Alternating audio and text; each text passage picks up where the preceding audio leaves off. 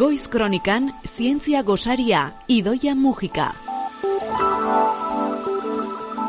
Galdera simple batetik hasi dire historian zer ikerketa garrantzitsu gehienak. Idoia Mujika, materiaren fizika zentruko komunikazio eta divulgazio arduraduna egunon idoia.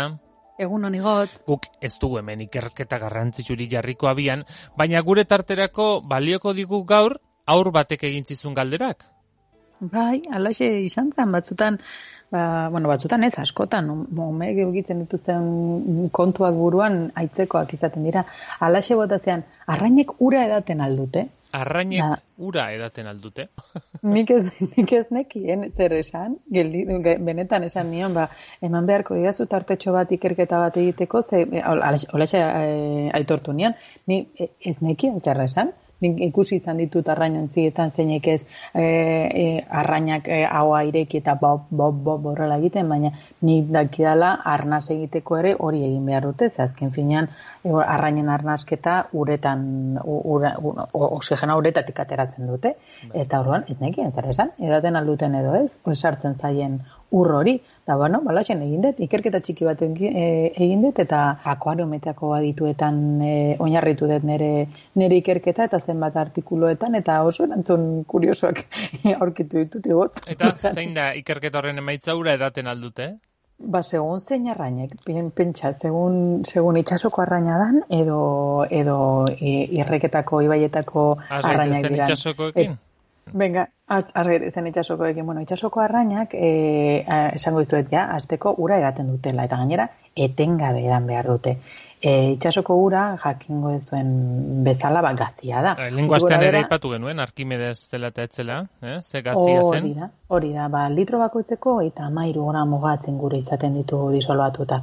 Eta ospazio, ozeanoetako espezia asko bizi dira e, ba, esponjak, bibaluak, anemonak, trikuak itxasoko animali pila badao, asko, asko eta asko, justu uraren gantz konzentrazio berdina dute beraien barnean. Hau da, e, kanpokaldeko eta bere barnekaldeko ura berdina da. Beraz, ura jarrio dezake aurreratatzera problemari gabe.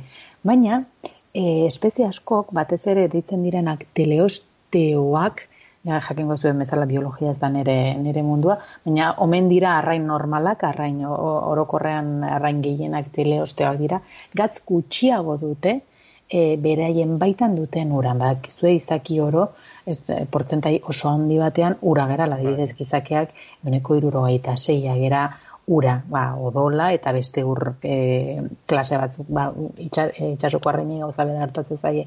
Ba, ur hori, beraien baitan dagoen ur, hori, ez da ingazia, ez da itxasoa inguratuta dauden itxaso ura bezain gazia. Eta orain, sartu behar dugun hitza, hau da idala hitz potoloa, osmosia, zuri sonatzea dizu? Igot, noiz baita entzun izana? Ez, baina horrek ez du ezer esan nahi, eh? Ni, bueno, entzun ere ez egin izateak ez du esan nahi. ez, ez, ez, esan nahi, ez dala hitz oso arrunta, ez? Baina osmosia oso garrantzitsua da. Printzipio oso garrantzitsua da gauza asko lertzeko.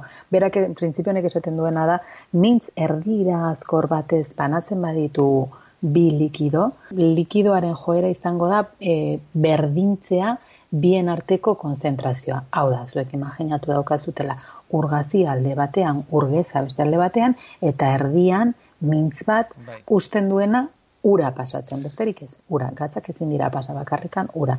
Ba, joera, e, sistema horren joera izango da, urgeza pasatzea urgazirantz, bi aldeetako konzentrazioa berdintzeko. Mm -hmm, ba, ze pasatzen zaie gure itxasoetako arrainei, ba, justu hori, gure itxasoetako arrainak azken finean mintz bat dute, beraien azala, eta kontaktuan dago denbora guztian, gaina e, e, erdira gazkorra da, osea, usten du pasatzen ura aurrera eta atzera. Eta karo, kanpokoa ura oso konzentratua dago, beraien barnekoa, ez dago hain konzentratu orduan joera zein izango dan, deshidratatzea beraiek. Etengabe, beraien barneko ura kanporantz joteko joera izango du itxaso guztiaren konzentrazioa berdindu nahian. Eta hori etengabeko prozesu bat izango da, ze txiki batek inoiz ezingo du aldatu un ozeanoaren ur konzentrazioa. Ez da hundi batek ere. Ez da batek ere. Orduan, beraien kalterako joa beraien izaera berak, ez? Denbora guztian desidratatzen ari dira. Batzer egin behar dute, etengabe ura edan nez eta urrori gazia izan, eta bere sistemaren barruan, e, beraien gernua asko konzentratu. Eraten duten ura oso gazia da, baina e, isuritzen duten gernua are gaziagoa da. Horrela nortzen dute nolabaiteko ur gezagoa barneratzea edo hain gazia den ur hori gatzak kentzea beraien baitan eta etengabe ura edaten egon behar dira horretarako. Itxasoko arraine beraz, ura edaten dute eta etengabe eh, inguruan duten gazitasun horri nolabait aurre, aurre egiteko. Ondori estatzen dugu beraz, ez dela gauza bere izango itxasoko arraina edo ibaiko amu arrain bat, edo errekako amu arrain bat? Hori da, justu errekako arraina gertatzen zaila da kontrakoa. Beraien baitan, beraien barruan dagoen ura, gaztiagoa da errekako ura baino. Orduan, beraien joera izango da nolabait puztutzea. Ba, osmosiaren printzipioa berdin-berdin funtzionatzen du beraientzat eta orduan ze pasatuko da, ba, saiatuko da la errekako urrori, baiko urgez horrek saiatuko du denbora guztian mintzori zeharkatzen barnean dagoen konzentrazio handiagoko ura berdintzeko. Eta orduan izan genitzake, ba, kristonarrai mm, puztuak ez, eta ez da kasu. Orduan beraien estrategia zen izango da, ba, justu kontrakoa zute gurik edaten. Are gehiago, beraien gernua oso diluitua da eta denbora guztian ari dira gehiegizko urrori botatzen eta botatzen eta botatzen. Ikusten dituguna e, ikusten ditugunean arrainontzietan ahoa irekitzen etengabe arnasa hartzen ari dira baina urrori ez dute edaten urrori brankietatik berri zer botate egiten dute sartu bezala. Eta urrori baino gehiago ere botatzen dute gernuan. Naiz eta ez edan pixa egiten dute. Hau oso kuriosoa da. Ba, bai. nahi gabe ere sartu egiten zaie ura azaletik. Printzipioz, e, irakurri dudanaren arabera, erreketako arrainen azala impermeablea da pixka bat eintzat, baina hala ere ura sartzen zai. Ze osmosia ezin dezu gelditu. Eta eskerrak, ez? Osmosiari asko zordio. Gori beste programa batean azalduko dizuet. Zer, zer ikusia dauka osmosia gurekin. Ze gure, gure gorputzean ere badauka zer esana. Hori beste bat erakutziko dugu, baina arrain kontuekin ari garela, idoia, utzi bai. niri itxuraz galdera simple bat egiten. Arrainek lo egiten aldute?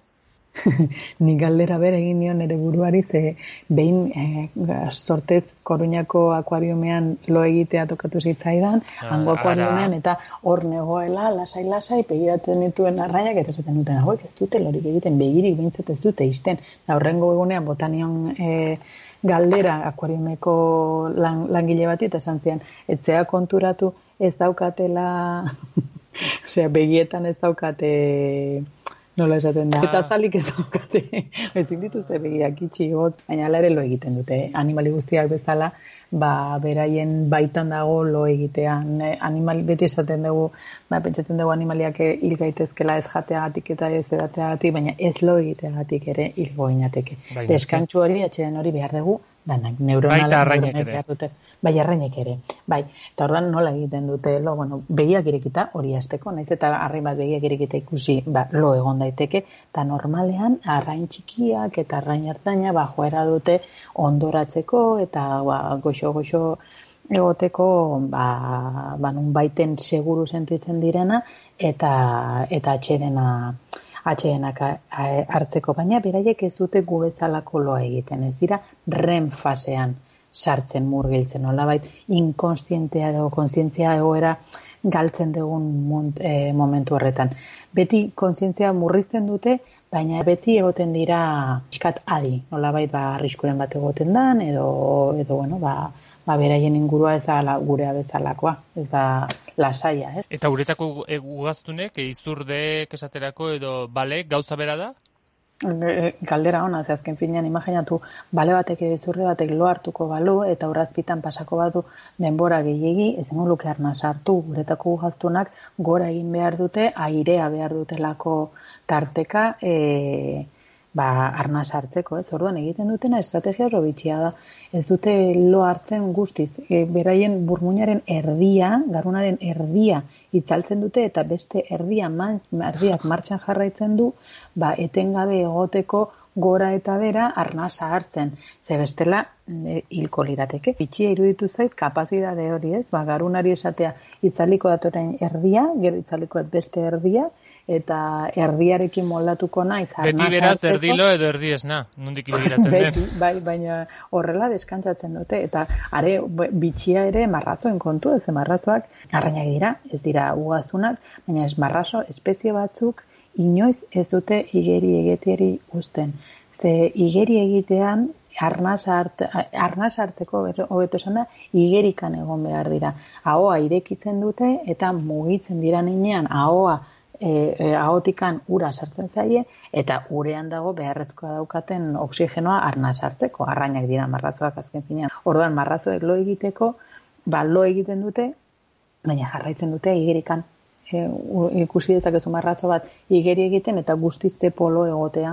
Eta e, arrazoia da hori ba arnaz egiteken jarraitu beharko duela eta arnaz egiteko ba ura ur jari hori behar duela eta jarri hori mantentzeko mugimenduan egon behar dela. Benetan bitxia iruditu zait gai guzti hau, osea, así que eskerrak e, umetxo horri zenik beintzat pila bat ikasi dut eta eta kuriosoa iruditu zait beintzat. E, Gure entzulen ematek ere agian idoia edukiko dezake horrelako galderaren bat, eh? Guri pentsaraziko diguna eta tarte baterako e, balio dezakena 6 zortzi zortzi 666 000 da gure WhatsApp e, zenbakia zientzia gozarirako dela esan eta egin galdera lasai. Eta helaraziko diogu idoia mugikari ba, bere tarte baterako balio dezan. 6 zortzi zortzi 666 000 Honezkero zu etzara erdiesna egongo era bat esna baizik. Bai. Beraz, aprobetsatu igande idoia